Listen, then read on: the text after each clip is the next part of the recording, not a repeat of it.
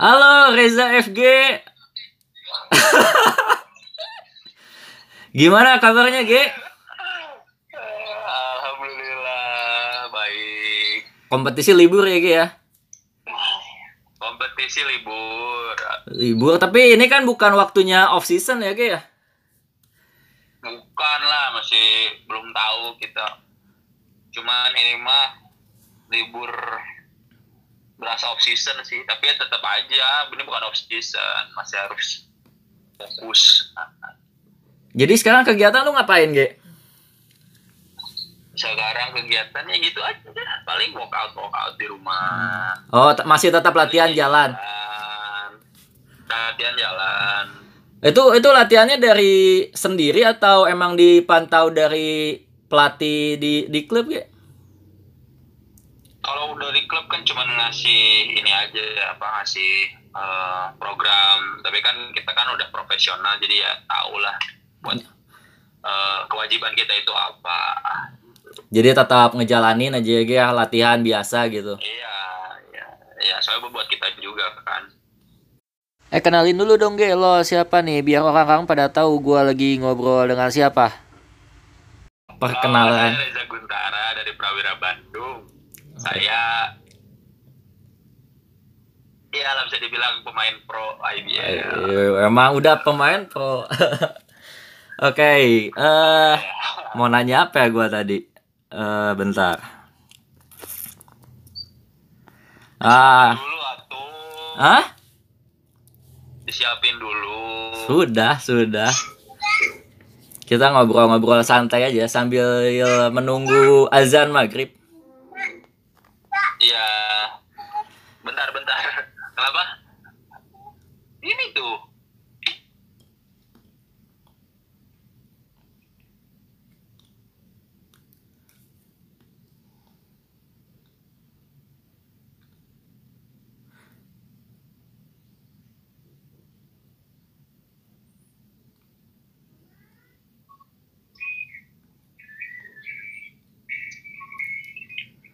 Son? Aman, Ge. Nah, Lanjut lanjut. Oke. Eh, Ge, boleh diceritain dong dikit gimana sih eh, awal mula lo main basket, Ge? Udah dari dari kapan sebenarnya lo main basket, Ge? Awal mula main basket itu dari SMP kelas 2 ya kayaknya. Kelas 2 SMP baru awal-awal main basket tuh. Tahun berapa tuh berarti? 2008 nih. Oh, 2008. Berarti dari SMP kelas 2 ya udah mulai main basket. Enggak, SMP kelas 2 tuh baru tahu basket. Oh, baru tahu basket. Itu siapa yang ngasih tahu, Ge? Hmm. Ada teman-teman, teman-teman dulu tuh eh, apa? Lagi main apa kan ada ekstrakurikuler gitu kan di Mm-mm. sekolah. Nah, teman teman sekolah ini dia ngajakin main basket karena lihat ini kan tinggi tapi kurus. Oh, iya iya, lu tinggi kan ya. Tuh. Heeh, terus diajakin main basket. Awalnya tuh ini apa olahraga apa gitu kan. Cuman lama-lama kok kayak apa ya kayak banyak pertanyaan gitu kan kayak banyak peraturannya ini itu segala macam. Saya kan orangnya penasaran jadi ya udah didal- didalamin aja gitu. Baru-baru main basket itu sih kelas 3 SMP. Oh, baru mulai benar main basket. Nah, Terus mulai S- benernya kelas 3 SMP. SMA berarti basket juga ya? SM, SMA basket juga. SMA di mana, Ge? SMA basket juga. Pakai nanya. SMA 9 lah. Eh, gaya ya. Itu itu masuk ke Tiga tahun sekelas tuh. masuk ke 9 Japres atau gimana, Ge? Iyalah di prestasi. Kebetulan ya eh, tahu lah ya masalah pendidikan ini. ini Iya, iya, iya. Eh, tapi itu emang emang emang ditawarin awalnya atau gimana sih, Ge? Enggak, enggak ada yang nawarin, cuman ya emang nekat aja modal nekat. Oh, SMA 9. daftar aja gitu. Iya, daftar jalur prestasi aja. Mm-mm. Gitu. Berarti kalau dari 2008 udah udah 12 tahun ya, Ge, di basket? Eh, iya ya 12 Ya, tahun. mungkin kurang lebih Dua- 12 tahun ya. Kalau karir profesional sendiri mulai tahun berapa, Ge? 2000 lulus kuliah tahun 2000 berapa? 17, 2017 kayaknya. Oh, dua, oh 2017. Oh, 2018. ya 2017 pokoknya season 2017 2018 aja Hmm, berarti udah udah tiga tahun lah ya, udah lumayan. ya lumayan lah Eh gimana sih Ge bisa eh, awalnya ke Prawira gitu pas dari kampus kan biasanya itu kan ya pas dipantaunya biasanya pemain-pemain dari kampus kan ya pas di kampus. Ya dari kampus terus mantaunya kan pas belum belum main belum apa belum eh lanjut ke pro itu kan belum lulus tuh ada pon kebetulan jadi Oh. dipantaunya dari situ juga Oh ya PON juga emas ya Ge ya lu dapat emas ya. alhamdulillah dapat emas Berarti itu emang langsung pas itu ada dari orang eh, Garuda eh pra, iya Garuda dulu Garuda kan ya. Dulu Garuda Ya. langsung nawarin ke lu atau gimana itu? Kan kan nggak ada agen-agen ya kalau di Indonesia ada agen-agen nggak sih? Kalau di luar kan ada agennya nggak gitu. ada sih Nggak ada ya? Kalau Indonesia nggak ada agen agen cuman kan ke klub ke klub ininya apa namanya tuh eh kayak Metro gitu kan klub saya Metro dulu Oh iya, heeh. nah gitu cuman yang nawarinnya waktu itu langsung head coachnya si coach Andre langsung Oh. nawari katanya mau nggak main di Garuda katanya Terus lo langsung mau gitu, langsung fix mau. awalnya sih masih kayak penasaran klub lain tuh kayak gimana kan cuman Oh emang ada beberapa yang nawarin. sih ada beberapa lah Oh iya. Bisa disebut nggak?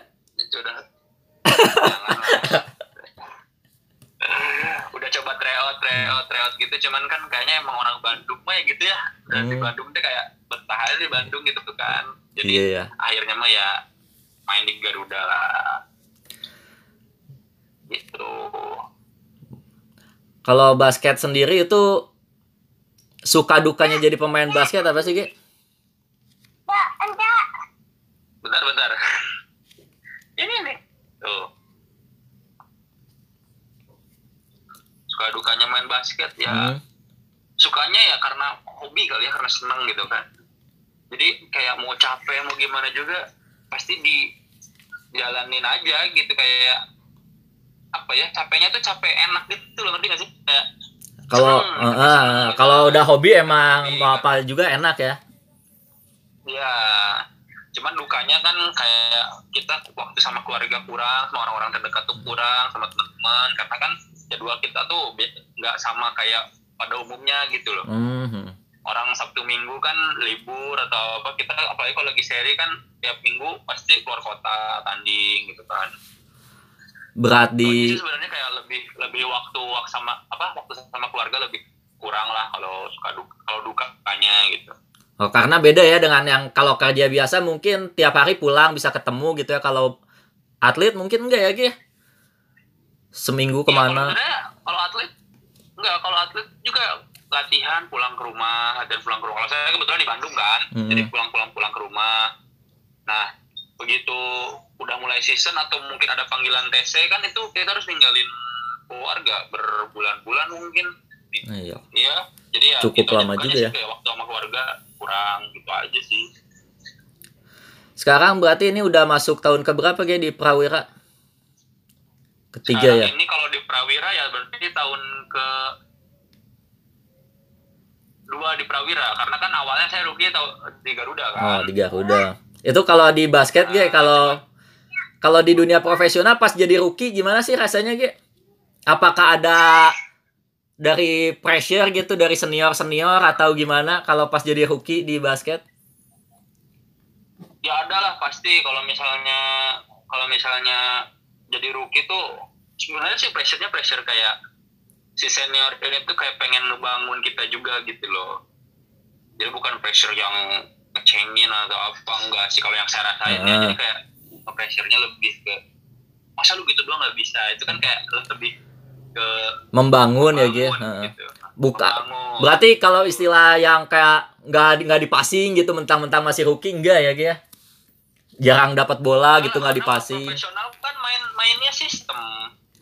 Bukan Hmm. masalah kayak gitu. Udah udah udah bukan obrolannya udah bukan ke sana. Hmm. Kalau udah profesional, profesional ya pasti semua ngejalanin sistem gitu. Apalagi kan kalau yang udah senior senior udah, udah paling paham kan. Jadi ya Hmm. kita mah jangan mikir jadi gak dapat bola mereka jadi sensi ke kita yang enggak lah. gitu karena udah profesional mainnya sistem ya ikutin sistemnya kayak gitu ya udah gitu mau diterima aja semua punya job desknya masing-masing Kalau di kampus ada yang kayak gitu nggak Ge waktu di kampus? Zaman kampus Ah. nggak ada ya. karena kan pelatihnya Koreki juga jadi ya semua saya alhamdulillah lah gitu dari SMA itu main basket udah ngikutinnya sistem terus gitu. Oh. jadi ya lebih lebih inilah lebih kayak senangnya main sistem gitu daripada yang one on one segala macam Jadi udah- saya ya tipenya Udah udah ngerti lah ya gitu. Udah nggak bingung lagi kalau dikasih sistem yang rumit-rumit gitu. ya awal-awal awal-awal mungkin kayak masih nebak-nebak masih ini kayak apa meraba lah gitu Hmm. kan cuman kan lama-lama karena sering dilatih ya harusnya paham Waktu waktu pertama kali debut profesional gimana Ge? Tegang nggak waktu pertama kali main gitu profesional? kalau ada sih tegang tapi ya udah sih dinikmatin aja Masih inget nggak lawan apa waktu pertama kali debut?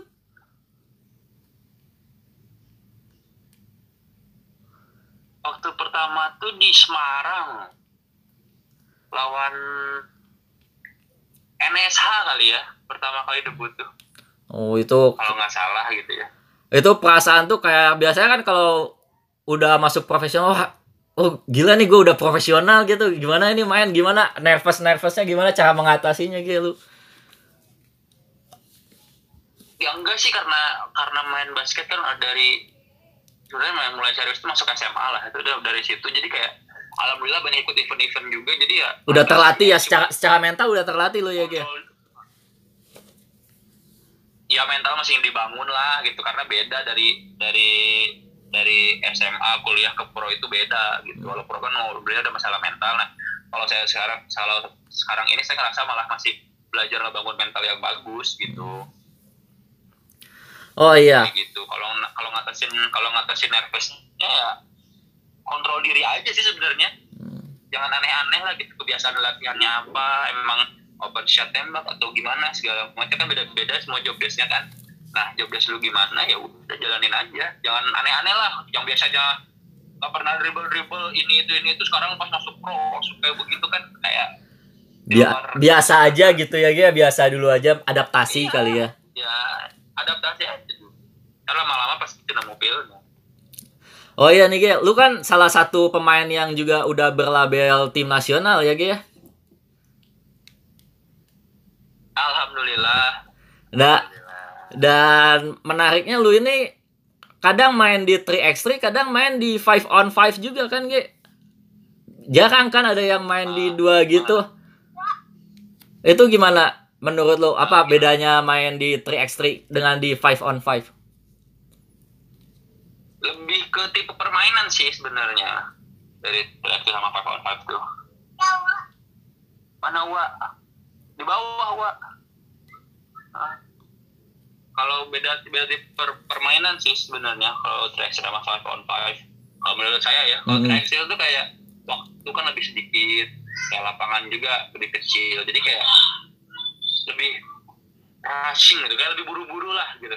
Oh, lebih kalau main track itu. Tapi tapi ya ya lebih buru-buru. Tapi tetap harus kayak tahu gitu eh, job desk-nya apa.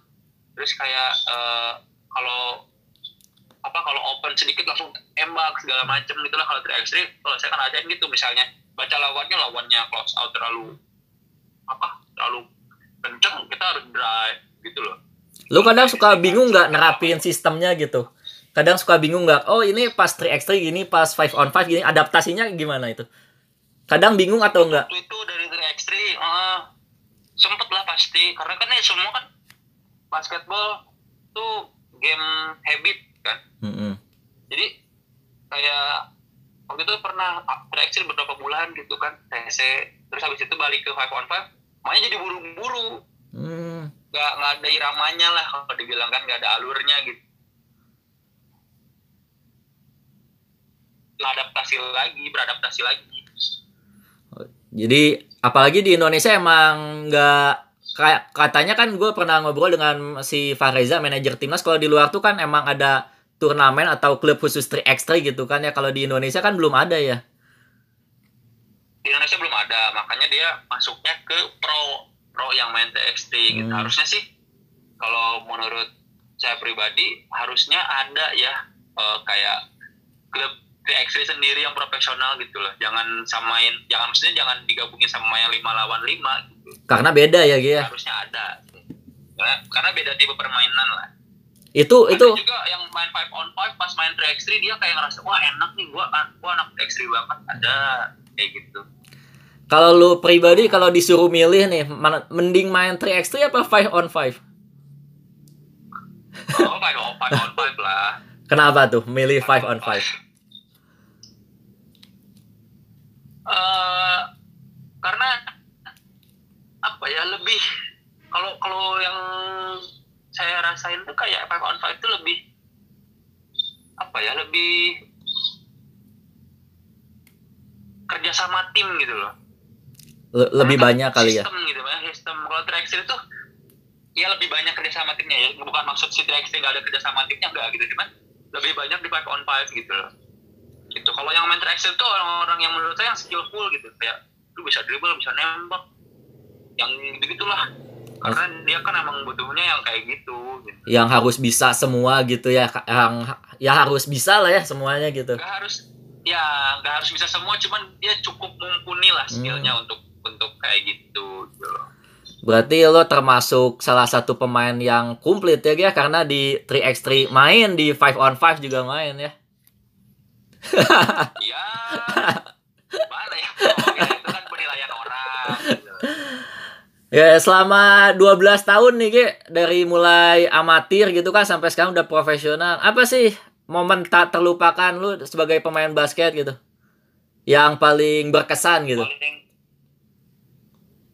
yang paling berkesan itu juara pon sih Oh juara pon. itu udah paling berkesan sih itu karena waktu itu kan kalau yang cara saya itu kayak bebannya banyak gitu loh ngerti nggak sih Oh ma- main-main di sebelumnya di Riau main di kandang sendiri lagi ya ya. ya salah satunya waktu pon sebelumnya itu senior saya kan pada main di Riau Mm-mm.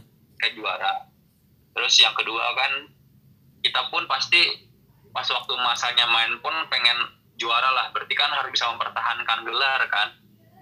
Itu yang kedua yaitu kita pengen bisa mempertahankan gelar gitu. terus yang ketiga yaitu main di kandang sendiri. Keempat bonus kali ya? Ge ya. kandang sendiri. Wah itu itu sih lu. Beda cerita lah gitu lah gitu.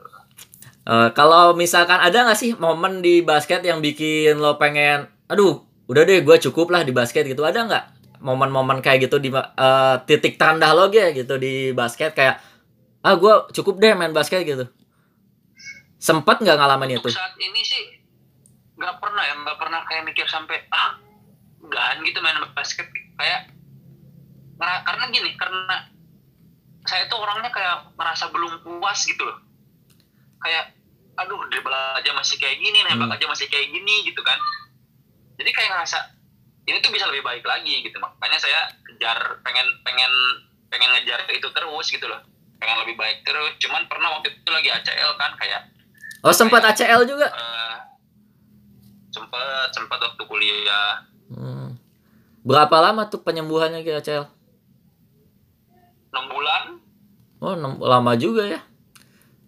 Sampai di, lumayan itulah waktu itu ngerasa kayak aduh capek banget terapinya gitu kan Hmm. kayak lebih capek dari latihan gitu makanya kayak aduh apa ya kayak eh, ngerasa bukan ngerasa titik terendah sih cuman kayak mungkin jenuh kali ya gitu-gitu Oh. terus gitu kan pemulihannya kali ya yang agak lama ya. pemulihannya ya terus kan cuma pas berbalik basket sih malah jadi pengen lebih gitu kayak gitu Iya, oh iya Ge. Eh, dari kalau gua perhatiin ya dari pertama pro sampai sekarang di timnas juga kan lo sering pakai nomor 19. Apa sih filosofinya Ge pakai nomor nomor punggung 19? Kenapa harus 19 gitu? dulu tuh pengen nomor 9 Oh. saya SMP pernah pakai nomor 9 Hmm, 9. Terus? 9 cuman kan masuk SMA masuk masuk SMA kan eh, senior saya pakai nomor 9 berarti nggak Ah. mungkin bisa pakai kan Hmm. Nah, terus waktu itu masih peraturannya tuh nomor tuh harus 4 sampai 15 lah kalau nggak salah ya Ya, 4 4 sampai 16, 4 sampai 16. sampai 16 nah terus waktu itu pakai nomor 12 lah selama kuliah itu Mm-mm. eh selama SMA sorry sama pakai nomor 12 terus em, begitu masuk kuliah tahun tahun saya masuk pertama kuliah tuh senior saya pakai nomor 9 dan senior saya satu lagi pakai nomor 19 Oh, gitu. waktu itu tuh Heeh. terus setelah itu kan setelah beres apa eh eh pas mereka pakai itu tuh saya kan pakai nomor berapa ya? Ya udah waktu itu sempat pakai nomor 35 karena kan saya apa eh, salah satu PT hiburan lah. Pakai nomor 35 Ah, cuman tahun depannya pas senior saya udah lulus nah saya baru pakai nomor 19 kenapa pakai nomor 19 kan karena pertama nomor 9 nya itu dipakai mm-mm. terus yang kedua ya emang emang apa ya kayak satu apa nomor satu itu maksudnya tuh kayak apa ya kayak Allah lah gitu nomor satunya itu Oh, itu filosofinya. satu nomor sembilannya filosofinya Oh, satu ke Tuhan, sembilan. angka yang bagus gitu Kalau disuruh milih sebenarnya pengen nomor berapa sih ya dulu? 12. Atau berapa? enggak lah kalau dulu kalau dulu masih sembilan saya pengen Oh, 9. Tapi sekarang udah tetap gitu 19 ya. udah ya udah kebiasa udah ya jadi pakai 19 Ya, ada ada udah ada kabar belum Ge dari klub misalkan kalau liga nggak dilanjut atau gimana gitu?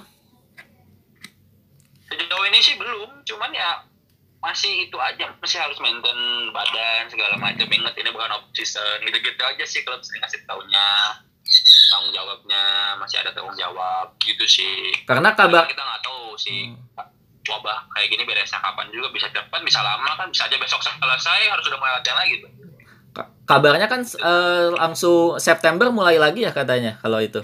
Kalau jadi. kemungkinan besar itu September kemungkinan besar cuma kan masih kabar burung lah belum pasti lah Ah, to- apalagi ya tadi gua mau nanya apa ya?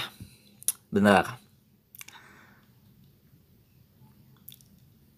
Ah, ini Ge, lu kan udah lama juga nih main basket. Apa sih yang membedakan Reza Guntara yang dulu dengan yang sekarang? Secara nggak ada bedanya sama-sama aja secara kepribadian tidak ada yang berubah. Kan kalau kalau sekarang kan fansnya jadi lebih banyak gimana gitu. Ada yang membedakan nggak dari Reza Guntara yang dulu dengan yang sekarang? nggak ada sih kalau saya merasa kayak nggak ada ini cuma sama-sama main basket cuma beda level aja gitu loh main basketnya gitu jadi kalau saya ngerasa nggak ada nggak ada perbedaan gimana gimana lah. Terus menurut saya sih nggak ada fans semua itu kayak temen aja udah. Semua dianggap teman ya. Iyalah. Farah semua dianggap teman. loh ya iya fans tuh kayak ngerasa wah kayak Duh kayak artis banget gitu. Kalau saya sih kayak ya udah lah kalau temen kan lebih deket gitu. Ada ada ini nggak Ge? Ada pesan nggak buat eh, pemain-pemain basket yang masih muda-muda gitu, yang masih pengen apa meniti karir, pengen jadi pemain basket gitu? apa ya? Sebenarnya pasti semua pasti udah sering dengar lah pasti kan pesan-pesannya ya gitu kayak kerja keras terus kayak semangat terus terus kayak jangan pantang menyerah lah. Gagal sekali itu bukan akhir dari segalanya. Cuman kalau saya nekeninnya di sini eh, ketika kamu udah kerja keras terus udah mencoba berusaha semaksimal mungkin terus hasilnya gagal ya jangan sedih. Tetap harus malah lebih kerja keras. Yang paling penting itu apa? Konsisten. Kalau kamu konsisten pasti lama-lama juga kau bakal metik hasilnya. Gitu. Kalau dari saya. Konsisten ya Ge ya kata kuncinya ya. konsisten kataku karena kalau kerja keras itu udah harus. Nah, dengarkan Terus itu anak-anak muda. itu semangat. Semangat itu udah harus cuman konsisten itu yang agak berat. Jujur se, se apa ya maksudnya seukuran apa ya? Ya saya aja yang udah di titik ini ngerasa konsisten itu masih berat gitu. Apalagi anak-anak muda kan yang masih labil masih belum masih banyak ini itunya lah gitu. Jadi konsisten itu emang harus penting. Konsisten itu penting gitu. Emang harus harus milih ya Ge, ya, eh, antara apa mau basket atau apa mau main gitu ya Iya, pertama sih tu, apa tentuin dulu tujuan hidupnya apa, tujuan hidup kamu tuh apa. Bukan cuma di basket, kayak misalnya kamu tujuan hidupnya pengen jadi dokter atau apa, kamu udah ngerasa dapat jalannya di situ ya udah konsisten aja kerja keras di situ gitu. Untuk semua apa namanya? Untuk semua eh, jalan kehidupannya masing-masing lah gitu. Bijak Cuma sekali. Ya, tinggal ditekuni aja. betul eh, udah berapa menit bentar Iya dong, harus. kita kita udah berapa menit ini oh kita udah lumayan 25 menit nih Ge. Berapa tuh? udah 25 menit Oh, lama juga ya. Iya, nggak kerasa ya ngobrol-ngobrol gini. Seru juga. Mungkin nanti kita bisa bikin part 2-nya juga. Oh iya, Firdan, Firdan gimana, Ge? Boleh dit- ditunggu sekali. Firdan apa kabar? Ya, sekarang dia masih fokus di baik alhamdulillah dia masih fokus buat pon kan cuman eh, baru dengar kabar kalau pon ini diundur katanya ya. Oh. Jadi ya sama pasti dikasih PR segala macam itu kasih workout lah di rumah. Udah udah lulus belum sih si Firdan tuh? Belum tahun ini mungkin ya. Mungkin saya juga nggak tahu. Oh iya, apalagi ada wabah jadi agak agak susah ya, Ge. Ya bisa jadi alasan lah kalau lulusnya telat. Suka ini gak eh, apa? Ada niatan bawa Firdan ke Prawira gitu, main satu tim bareng kakak adik atau gimana? Atau biarin aja dia? Kalau saya pribadi, kalau saya pribadi sih pengen, cuman kan dia yang punya, dia yang nentuin tujuan hidupnya dia itu apa. Gitu. Oke deh kalau gitu. Yang saya bilang tadi, ingat tujuan hidupnya, konsisten, nanti dapat motivasinya. Oh, emang Firdan belum tentu ja masuk pro gitu, Ge? Dia belum belum fix pengen masuk pro. Eh, dari histori sih, karena hidup Firdan kan lebih rentan cedera, Oh, gitu. Jadi ya saya, keluarga juga kayak agak-agak ngeri-ngeri gitulah. Cuman ya kalau dia emang optimis dan yakin mah ya kenapa enggak gitu kalau saya sih kayak gitu. iya oke. Eh, Terus kenapa kenapa jadi ngomongin Firdan? kenapa jadi ngegibahin si Firdan? Iya. Oke, kalau gitu thank you banget Ge waktunya Ge. Sehat terus, banyak. sukses terus karirnya. Amin. Sampai ketemu lagi di Semoga lain kali podcastnya sambil ketemu gitu kan sambil ngopi. Ya betul karena ya gue juga pengen sih ngajak kayak ngajak one on one gitu. Oh, ayo berangkat. Ah, tapi emang lagi sulit cari lapangan juga sulit sekarang Ge. Aduh. Oke, siap Ge. Thank you banget ya Ge ya. Oke, makasih banyak. Ya, sampai ketemu lagi. Dadah, tos dulu dong. Sampai ketemu